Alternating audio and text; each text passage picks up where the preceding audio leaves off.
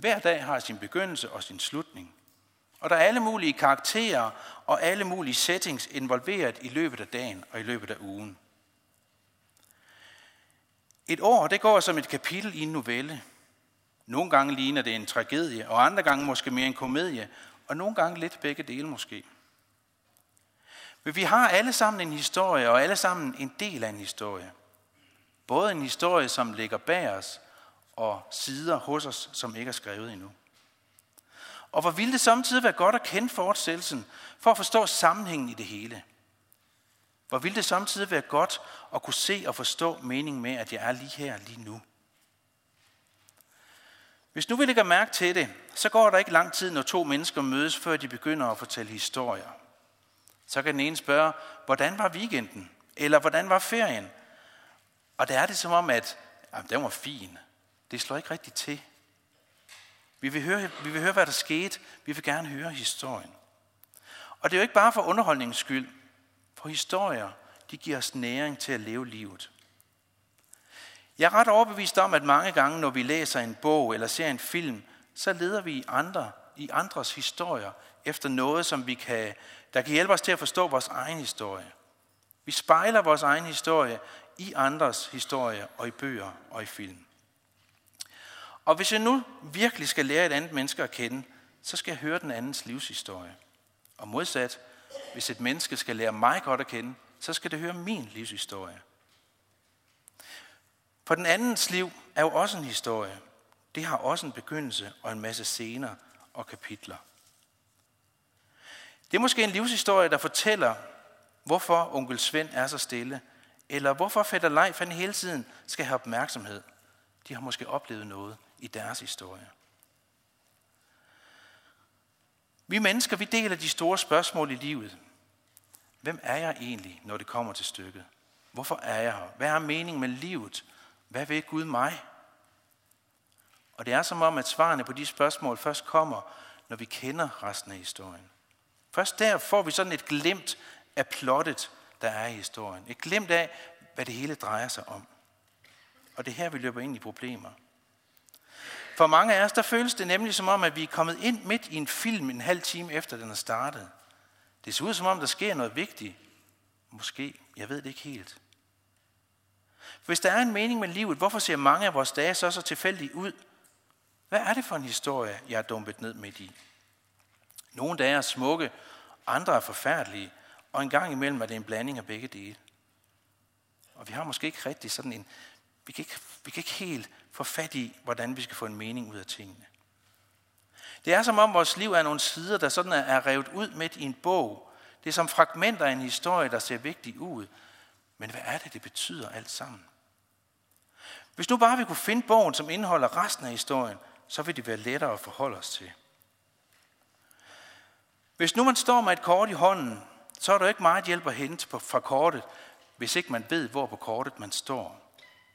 Først når man ved, at det er her, du står, så kan jeg sådan orientere mig og få noget perspektiv på tingene og den vej, som jeg skal gå. Det er med til at give det store billede. Så tænk, hvis vi nu havde sådan et kort i hånden. Et kort i hånden for vores liv med en rød prik, der viser, det er her, du står, og en blå pil, der viser, det er den her vej, du skal gå. Det, er det, den, det her det er vejen fremad, det er vejen mod slutmålet. Og den gode nyhed er, at den mulighed har vi faktisk. Der skal vi gå til historien, Guds historie, for at finde. Der kan vi se den historie, vi har.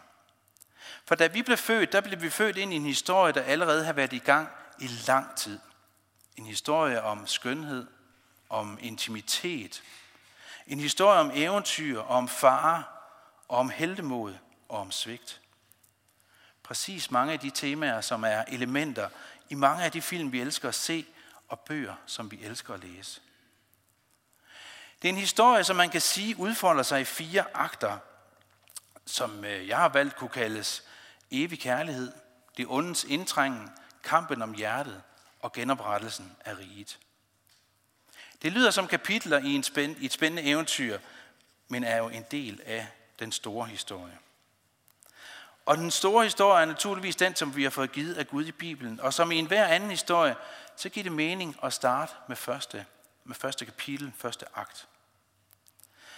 Første akt, det starter ikke fra Bibelens begyndelse med jordens skabelse, som vi måske ellers umiddelbart vil tro. Det er faktisk først i tredje akt, at vi kommer ind i billedet. Første akt starter et andet sted. For første akt, det var det, som, som jeg kaldte for evig kærlighed. I begyndelsen var ordet, og ordet var hos Gud, og ordet var Gud. Han var i begyndelsen hos Gud, alt blev til ved ham, og uden ham blev intet til af det, som er. Det er her, vi skal starte. I begyndelsen. Det lyder sådan lidt som, der var en gang, eller for længe, længe siden. Jeg synes, det er sådan en fantastisk start, fuld af, af legende og myte og løfter om mysterium. Alle eventyr starter på den måde. Der var engang en god og retfærdig konge og dronning, der var ked af det, fordi... Eller der var engang en skøn jomfru, som boede sammen med sine onde stedsøstre. Alle gode eventyr og historier, de starter på den måde. De vækker ligesom vores længsel og vores nysgerrighed. For som der står i prædikernes bog 3.11, så har Gud lagt menneskets, så har Gud lagt mennesket verdens gang på sinde. Han har ligesom lagt evigheden ind i vores hjerte. Det er der, vores historie tager sit udspring. I begyndelsen var ordet, og ordet var hos Gud, og ordet var Gud. Det rækker længere tilbage end begyndelsen på første Mosebog, hvor Gud skaber mennesket. Det rækker, det rækker tilbage til før noget som helst blev skabt. Johannes han prøver at lukke op for os, at før alle ting, der var der treenigheden, og ikke noget som helst andet. Der var far og søn og helligånd. Så hele historien begynder med noget relationelt, med et smukt fællesskab, i hvis billede vi senere skabes. I begyndelsen, før alle tider, det smager sådan uendelig stort og evigt. Et univers skabt i kærlighed. Frodo fra Ringenes Herre, han kunne ikke være blevet en held med mindre, at han blev født ind i en historie, hvor mange af kapitlerne allerede var spillet før hans eget. Det er lidt af det her, uden ham blev intet til af det, som er. For det er livets kilde, vi taler om her. Et liv, der eksisterede længe før vores eget. Der var en gang. Alt det rummer første akt. Fællesskabet mellem Gud Fader, Gud Søn og Gud Helligånd i treenig kærlighed. Andet akt handler om det ondes indtræden på scenen. Hvis nu vi fortsætter i sporet med eventyr, så kan vi jo spørge, hvorfor alle, alle store eventyr, alle store historier, de har en skurk med i handlingen. For det finder vi jo for eksempel også i Ringenes Herre, hvor Sauron og orkerne, der styres af Saurons befalinger, de er på spil.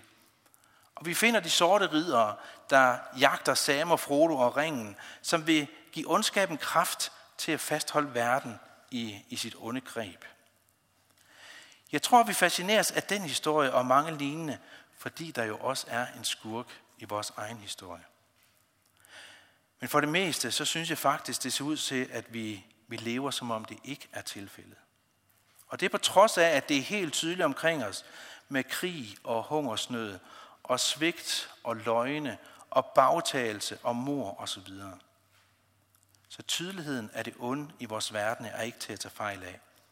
Men hvor kommer det onde fra i vores historie?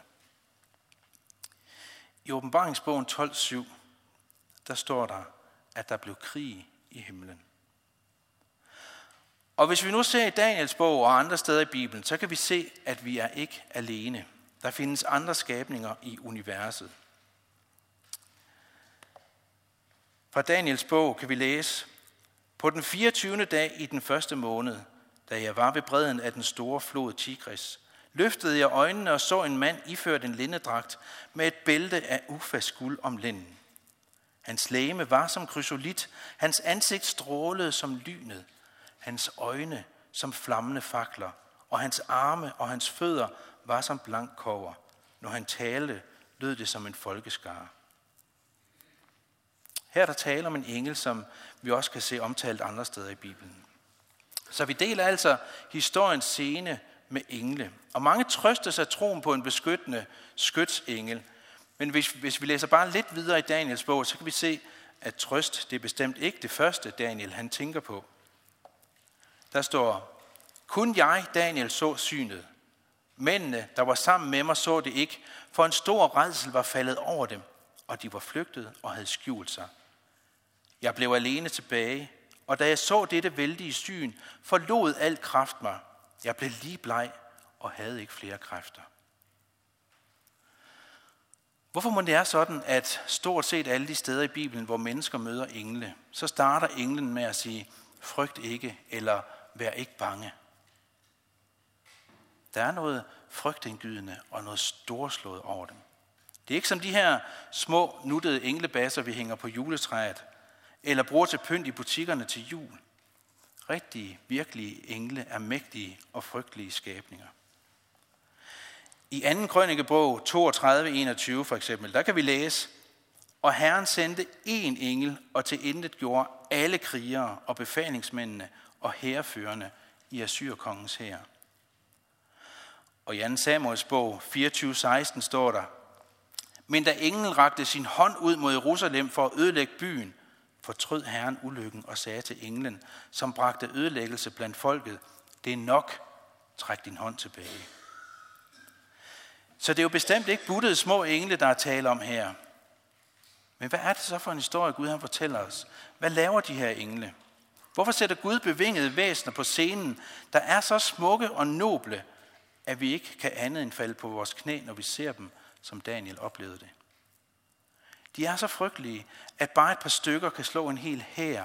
De kan, de kan ødelægge byer og ødelægge en hel civilisation. Og alligevel kan vi læse i Daniels bog, at der er 10.000 af engle. De er universets jægersoldater. De er kraftfulde, og de er bevæbnede og farlige. Men hvad skal Gud med dem, hvis vi forestiller os, at den historie, vi er en del af, den er harmløs og sikker? Et svar på, hvorfor Gud laver de her skabninger, kan vi finde i Ezekiels bog 28, 14 og 15. Du var en salvet kerub. Jeg gjorde dig til beskytter. Du var på det hellige Gudebjerg. Du vandrede blandt funklende sten. Du var udadelig i din færd fra den dag, du blev skabt, til der blev fundet uret hos dig. Så de er simpelthen beskyttere. Og som leder for den her mægtige himmelske her, der stod en kaptajn. Han var den smukkeste og den mægtigste af dem alle.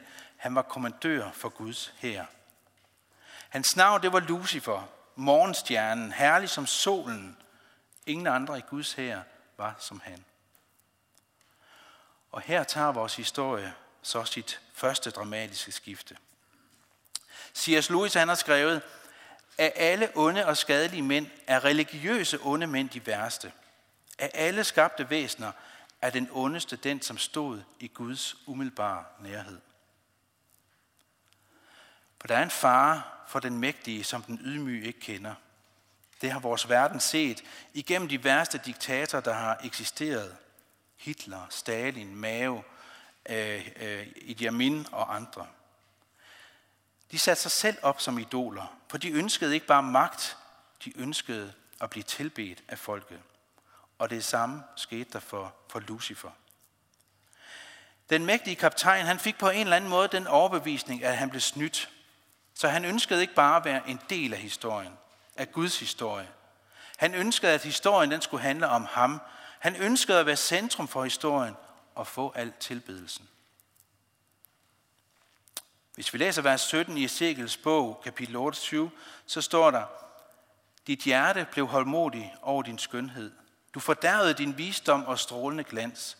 Jeg kastede dig til jorden, gav dig hen til konger, så de kunne fryde sig over dig. Hvor mange riger er ikke faldet på grund af et forræderi? Og hvor mange, øh, hvor mange historier i både film og bøger indeholder ikke forræderi? Vi ser det i rigtig mange både film og bøger, som mange mennesker øh, elsker at se. Star Wars, Ringenes Herre, Gladiator, Narnia og mange, mange flere. Det kan være en tidligere ven eller en tidligere allieret, der falder for den fristelse, der ligger i magt. De bliver hårdmodige og vender rundt mod venner og mod allierede. Og det ser vi altså også i den historie, Gud fortæller os. Lucifer, han vender sig mod sin skaber. Han vil selv have magt, og han vil selv tilbedes. Og gennem forræderi og bedrag, der vender han en tredjedel af englehæren til hans egen side. Og de vendte sig i kamp mod deres herre, mod Gud selv. Og der blev krig i himlen. Ærkeengel Michael, han overtager kommandoen over den trofaste og loyale del af englehæren, og tager kampen op mod Lucifer og hans forræderiske hær. Det er en kamp, jeg oplever, mange ikke tænker over. Vi glemmer, at Guds historie også har en skurk, en fjende, og at vi dermed også har en fjende. Satan han vandt en del af englehæren med list om, at Gud han holder noget tilbage for dem. Han fortæller, at Gud snyder dem og ikke giver dem, hvad de retteligt kan tilkomme. Har Gud virkelig sagt, var ordene han brugte mod Adam og Eva? Er Gud virkelig god? Og det klinger igennem hele historien. Så det samme spørgsmål kan vi høre i dag. Har Gud virkelig sagt? Gud og hans loyale engle, de vandt kampen i himlen. Men Lucifer og hans dæmoner, de døde ikke. De er stadig i aktiv tjeneste iblandt os i dag. Og det bringer os til tredje akt i Guds historie, kampen om hjertet. For nu kommer der et sceneskifte, og tredje akt begynder i total mørke. Det er som stillheden i mørket før de første toner af en stor symfoni, eller som mørket lige før det første lys på en ny dag anes derude i horisonten. Nu er vi i begyndelsen af første Mosebog. Og pludselig bryder en stemme mørket, og der kommer lys. Og et ord mere blev sagt, og himmelbuen blev til med en himmel så, små, øh, så blå og smuk. Og endnu et ord blev sagt, og vandet samlede sig i havene, og land blev synlig. Et ord igen, og planter og træer af alle slags skød frem på jorden. Og det stoppede jo ikke der. Fra Guds hånd, der sprang det ene dyr efter det andet. Fugle og havdyr og fisk, heste, kvæg, krybdyr, vilde dyr indtog alle sammen jordens overflade. Ja, fiskene i vandet selvfølgelig. Men det var fantastisk. Som det smukkeste af alle eventyr. Smukkere end vi nogensinde kan forestille os, og måske også mere romantisk end noget vores fantasi kan stille op. Det var simpelthen et rendyrket mesterværk. Og ligesom vi kan lære noget om en forfatter igennem det, han skriver, så kan vi også lære noget om en kunstner i det værk, han laver. Og det er tydeligt, at Gud han er langt mere kreativ, end vi kan forestille os, og han er mere rendyrket kærlighed, end vi forstår. Mesterværket det bygges op og nærmer sig sit klimaks, og så sker der det forbløffende. Gud sagde, lad os skabe mennesker i vort billede, så det ligner os. Så det ligner os. Gud skabte mennesket i sit billede. I Guds billede skabte han det. Som mand og kvinde skabte han dem. Der, i begyndelsen af menneskets historie, der blev vi skabt i Guds billede. Som levende ikoner af den levende Gud. Alt, hvad vi nogensinde kunne ønske at være, det var vi der og mere til. Vi var perfekte. I salme 8, vers 5 og 6 kan vi læse det. Der står, hvad er der et menneske, at du husker på det? Et menneskebarn, at du tager dig af det. Du har gjort det kun lidt ringere end Gud. Med herlighed og ære har du kronet det. Vi blev kronet med storhed af Gud lige der i skabelsen. Og så kan man stille spørgsmålet, hvorfor længes en kvinde efter at være smuk og blive atroet af sin mand? Og hvorfor længes en mand efter at blive set som en, der er stærk og modig? Måske er det fordi, vi glemt svagt husker, at vi engang var meget mere, end vi er i dag. Gud han skabte os i sit billede med evnen til at resonere, til at skabe, til at dele intimitet og til at kende til glæde.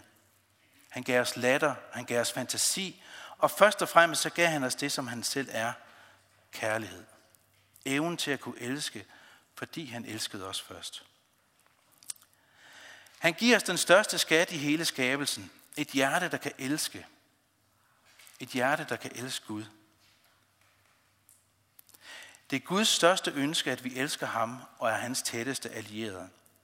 Men med hjertet har Gud samtidig givet os noget, som, som overrasker mig lidt, som slår mig lidt. For med hjertet, der kan elske, der følger den frie vilje, og dermed viljen til ikke at elske ham. Viljen til at afvise ham, ikke bare én gang, men hver eneste dag. Og hvorfor i alverden har han gjort det? Han har jo sådan set allerede, allerede lidt forræderi en gang med de forræderiske engles oprør. Han ved, hvordan vi kan misbruge vores frihed til elendighed og til lidelse. Svaret er det, at hvis man vil have verden, en verden, hvor kærligheden er ægte, så må man give hver enkelt mulighed for at vælge til og fra. Ellers så er kærligheden ikke ægte og fri. Magt kan gøre meget, magt kan gøre alt, bortset fra det mest vigtige, for det kan ikke kontrollere kærlighed. Det ved enhver forældre, og enhver, der elsker et andet menneske. Man kan ikke tvinge et andet menneske til at elske. Så hvis vi som Gud skulle skrive en historie, hvor kærligheden er det største og det vigtigste, hvor kærlighed er selve målet, så må vi give hver enkelt frihed til at vælge. Vi kan ikke tvinge kærlighed, og det kan ikke engang Gud. Men hvorfor skaber en kærlig og elskende Gud en verden, hvor det under er en mulighed? Er han ligeglad med vores lykke? Er han ikke en god Gud? Jo, det er han bestemt. Han tager så meget hensyn til vores lykke, at han giver os egenskaben at kunne elske og blive elsket. Men han er ikke nogen dukkefører, og vi er ikke hans dukker. I Edens have, der siger Gud til Adam og Eva, Stol på mig. Jeg har givet jer hele jorden, for at I kan glædes over den. I skal udforske den, tage den i brug og passe på den for mig. Og jeg har givet jer hinanden, så I kan elske hinanden og elske med hinanden og være hinandens venner. I er min største skabning, og jeg ønsker, I skal være min tætteste allierede og fortrolige. Men der er én ting, I ikke må. Og stol på mig, og tro på mig, når jeg siger, at I må ikke spise fra træet med kundskab om godt og ondt. Jeg vil jer det allerbedste, men spiser jeg det træ, så skal I dø. Og det er så her, vores historie tager en tragisk drejning. For det onde lurede i haven. Den mægtige engel, han havde været prægtig. Endda mere prægtig end vi. Og som allerede nævnt, så var han kaptajn for hele engleherren engang. Men dengang, der blev hans oprør slået ned. Han blev forvist og kastet ned på jorden. Men med det var han ikke ødelagt. Han ventede i skyggerne på en chance for hævn. Og han hader Gud og alt, hvad der minder ham om Gud, hvor det indfindes. Han kunne ikke overvinde Gud, så i stedet så kastede han sig over dem, som bar Guds billede. Altså os mennesker. Han kom ind i haven og viskede til Adam og Eva, og dermed til os alle sammen. I kan ikke stole på Gud. Han holder noget tilbage for jer. Han giver jer ikke, hvad der er jeres. I er nødt til at tage tingene i egen hånd og klare det hele selv. Og dermed såede han også mistroen i vores hjerter. For det er den samme løgn, han bruger i vores liv i dag. Han fortæller os, at det er alt for risikabelt at stole på Gud. Han siger, at vi må selv tage kontrol og omskrive vores historie, så vi får et godt liv. Vi må selv tage vare på vores lykke og vores liv uden Gud. Satan løj for Adam og Eva. Han løj om, hvor det virkelige liv fandtes, og de troede på ham. Gud han havde givet os hele den her vidunderlige jord til at udfolde vores liv på, og han sagde til os, at vi skulle nyde det alt sammen. Men på trods af Guds generøsitet, så rakte vi ud efter den ene ting, som vi ikke måtte tage. Og det øjeblik, der var der noget, der forandrede vores hjerte. Der var noget, der gik galt i os. Synden den kom ind i verden og spredte sig som en computervirus fra generation til generation. Og vi ved det jo godt, når vi skal være helt ærlige, at vi er ikke, som vi blev skabt til at være. Racisme, forræderi, frygt, mistænksomhed, jalousi, selvcentrering. Det er jo bare nogle af frugterne, vi ser. Vi har enormt svært ved at elske Gud af hele vores hjerte og hele vores sjæl og hele vores styrke og hele vores sind og vores næste som os selv. Vi ved nu, hvad der skete. Paradis var tabt, og det satte sit spor igennem hele Guds historie. I 1. Johannes brev 5:19, der står der, vi ved, at vi er af Gud, og at hele verden ligger under for den onde. Det ved vi, og det kan vi se.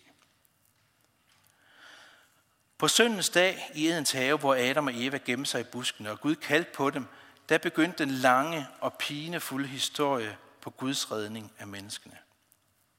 Selvom vi forrådte Gud og faldt i den ondes hænder, så bliver vi langt fra forladt af Gud. Men Guds store udfordring og redning er et folk, der ikke har en anelse om, hvor fangne vi er, og hvor, hvor desperat situationen øh, ser ud. Det gør det svært for ham. Vi ved, at vi længes efter Edens have, men vi tøver alligevel med at give os helt og fuldt tilbage til Gud. Vi er fanget af den ondes løgne. Men Gud han har en plan i ærmet, noget der forandrer historien i en ny retning. Det er ligesom da Aslan han kommer ind og redder Narnia, sådan har vores historie også en redning. Og planen går ud på, at Gud selv, kongernes konge, iklædte sig kød og blod og kom til os som en af os. Han ønskede os tilbage som sin tætte allierede. Han ønskede, at vi skulle elske ham, som han elsker os. Gud han skabte os frie, så vi kunne elske ham, og han opgiver os ikke. Han vil have os tilbage. Ikke som gode og trofaste kirkegængere til gode gerninger for ham, men for at vi kan elske ham. Gud siger igennem øh, Jemias i kapitel 24, vers 7, Jeg giver dem et hjerte, så de kan kende mig og forstå, at jeg er Herren. De skal være mit folk, og jeg vil være deres Gud, når de vender om til mig af hele deres hjerte. Det er fantastisk smukt. Men det koster for Gud at gennemføre den her fantastiske plan. For han er nødt til at dø i vores sted for at gennemføre den.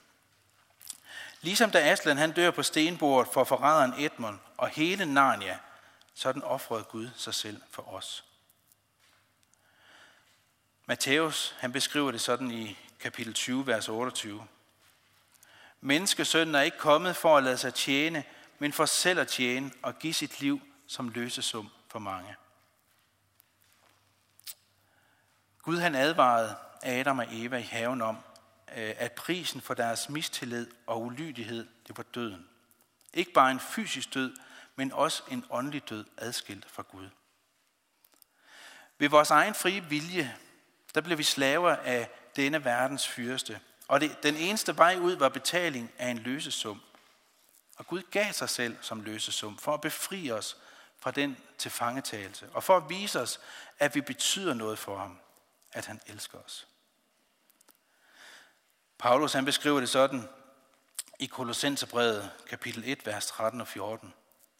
Han friede os ud af mørkets magt og flyttede os over i sin elskede søns rige.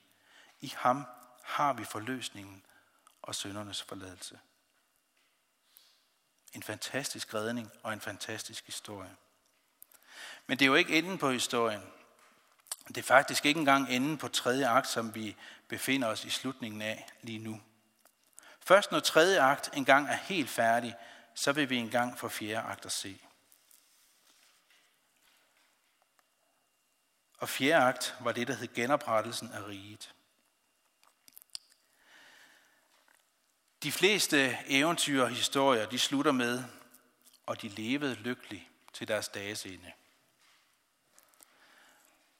Prøv lige at stoppe op og smag på det engang. For det er jo sandheden. Vi skal leve lykkeligt i evighedernes evigheder. Slutningen på en rørende historie i nogle af de store bøger og film, hvor de lever lykkeligt til deres dages ende, kan let give os en klump i halsen. Og hvis vi ikke sådan er blevet helt kyniske, så kan de måske også få en tårer til at trille. Det kan de i hvert fald hos mig. Og hvorfor sker det? Jeg tænker, at det er fordi, vi blev skabt til at leve evigt. Gud han har plantet livet i evigheden sammen med ham i vores hjerte, og det længes vi efter. Det er en længsel, som vi forsøger at fylde ud på forskellige vis, og som vi måske finder en sød smag af i de bøger og film, som vi læser og ser. Så kan man med rette sige, at det her med at leve lykkelig for evigt er skrevet på vores hjerte.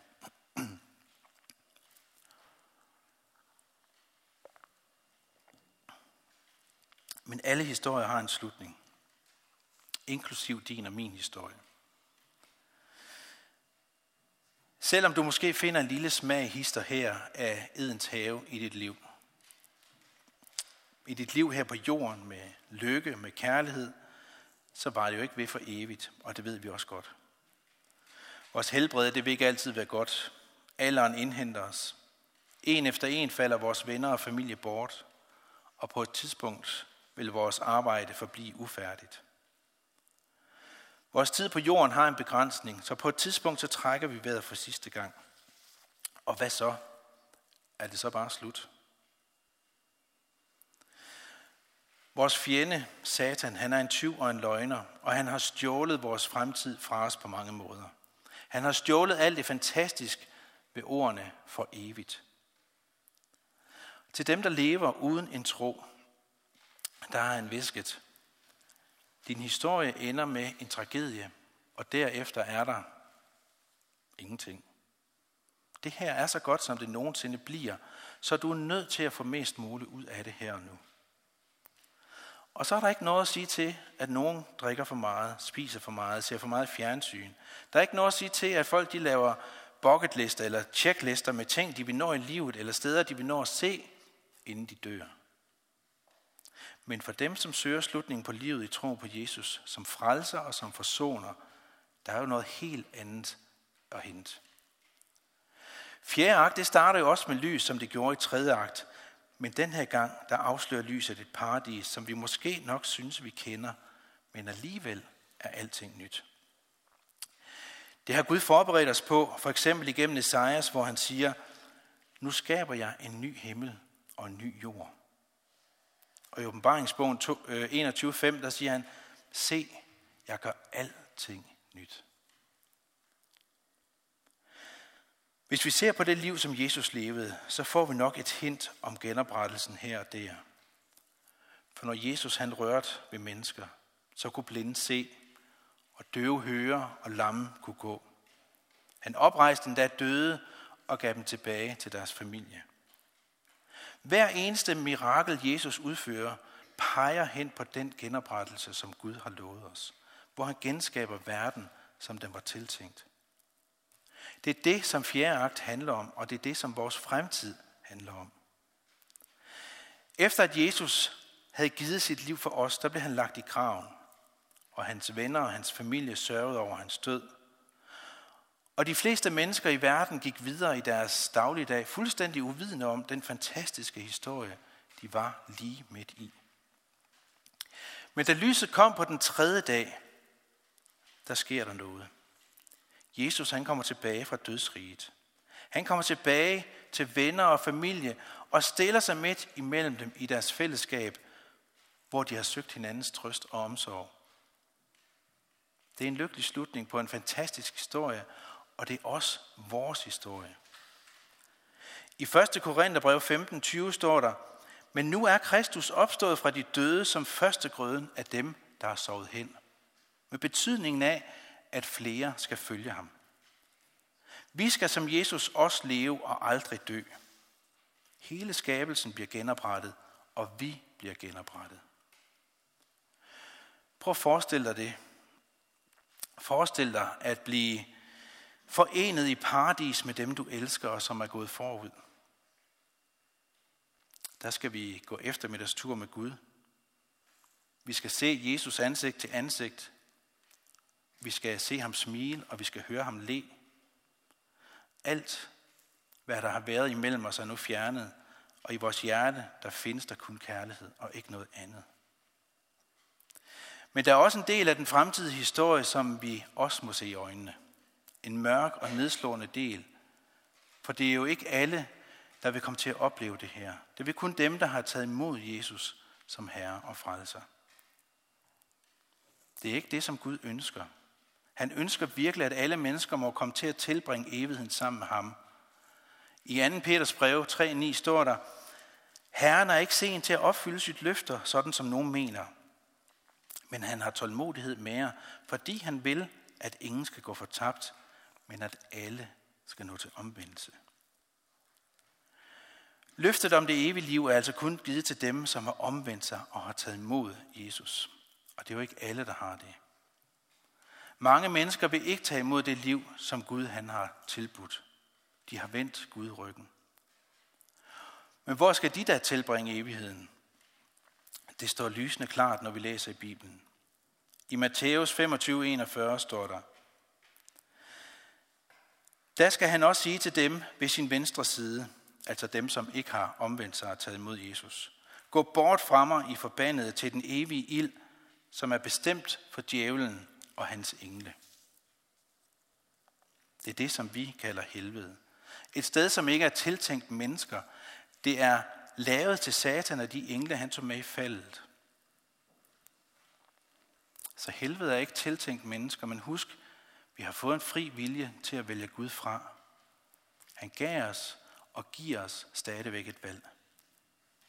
Vi bestemmer selv, om vi vil med til festen, eller vi siger, ej, ej tak, det er ikke lige mig. Eller nej tak, jeg klarer mig selv. Jeg har ikke brug for tilgivelse og forsoning og alt det der. Jeg er et godt menneske. Men invitationen står stadigvæk åben til den fjerde akt begynder. Når Jesus kommer igen, og alt genskabes, som det var tiltænkt. Det er som i den tale, Moses han holder før israelitterne, de går ind i det lovede land. Der siger Moses til israelitterne, jeg har stillet dig over for livet og døden, velsignelsen og forbandelsen. Så vælg af livet, siger han til dem. Fjerde akt, det er genskabelse af alt det, som det oprindeligt var tiltænkt. Et liv, som vi aldrig nogensinde skal miste igen. Vi lever lige nu i for mig at se et sted mellem slutningen af tredje akt og begyndelsen af fjerde akt. Vi lever midt i en historie, som er langt mere dramatisk og langt mere farlig, end vi kan forestille os. Så synkroniser din egen historie, så den passer med Guds historie.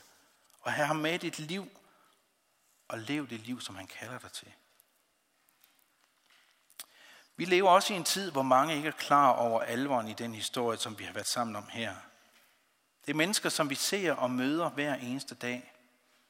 Og de er altså nødt til at få tydeliggjort, hvor alvorligt det her er fra os, fra dig. Ellers så har de ikke en chance. Vi er nødt til at fortælle dem, at der stadigvæk er masser af billetter til fjerdeagt. For der er jo på ingen måde udsolgt. Men samtidig også, at det er vigtigt at få fat i en billet, for pludselig så er det for sent.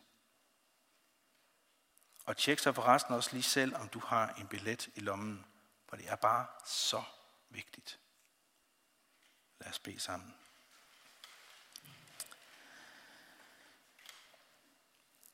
Tak, himmelske far, fordi du har åbenbaret historien for os.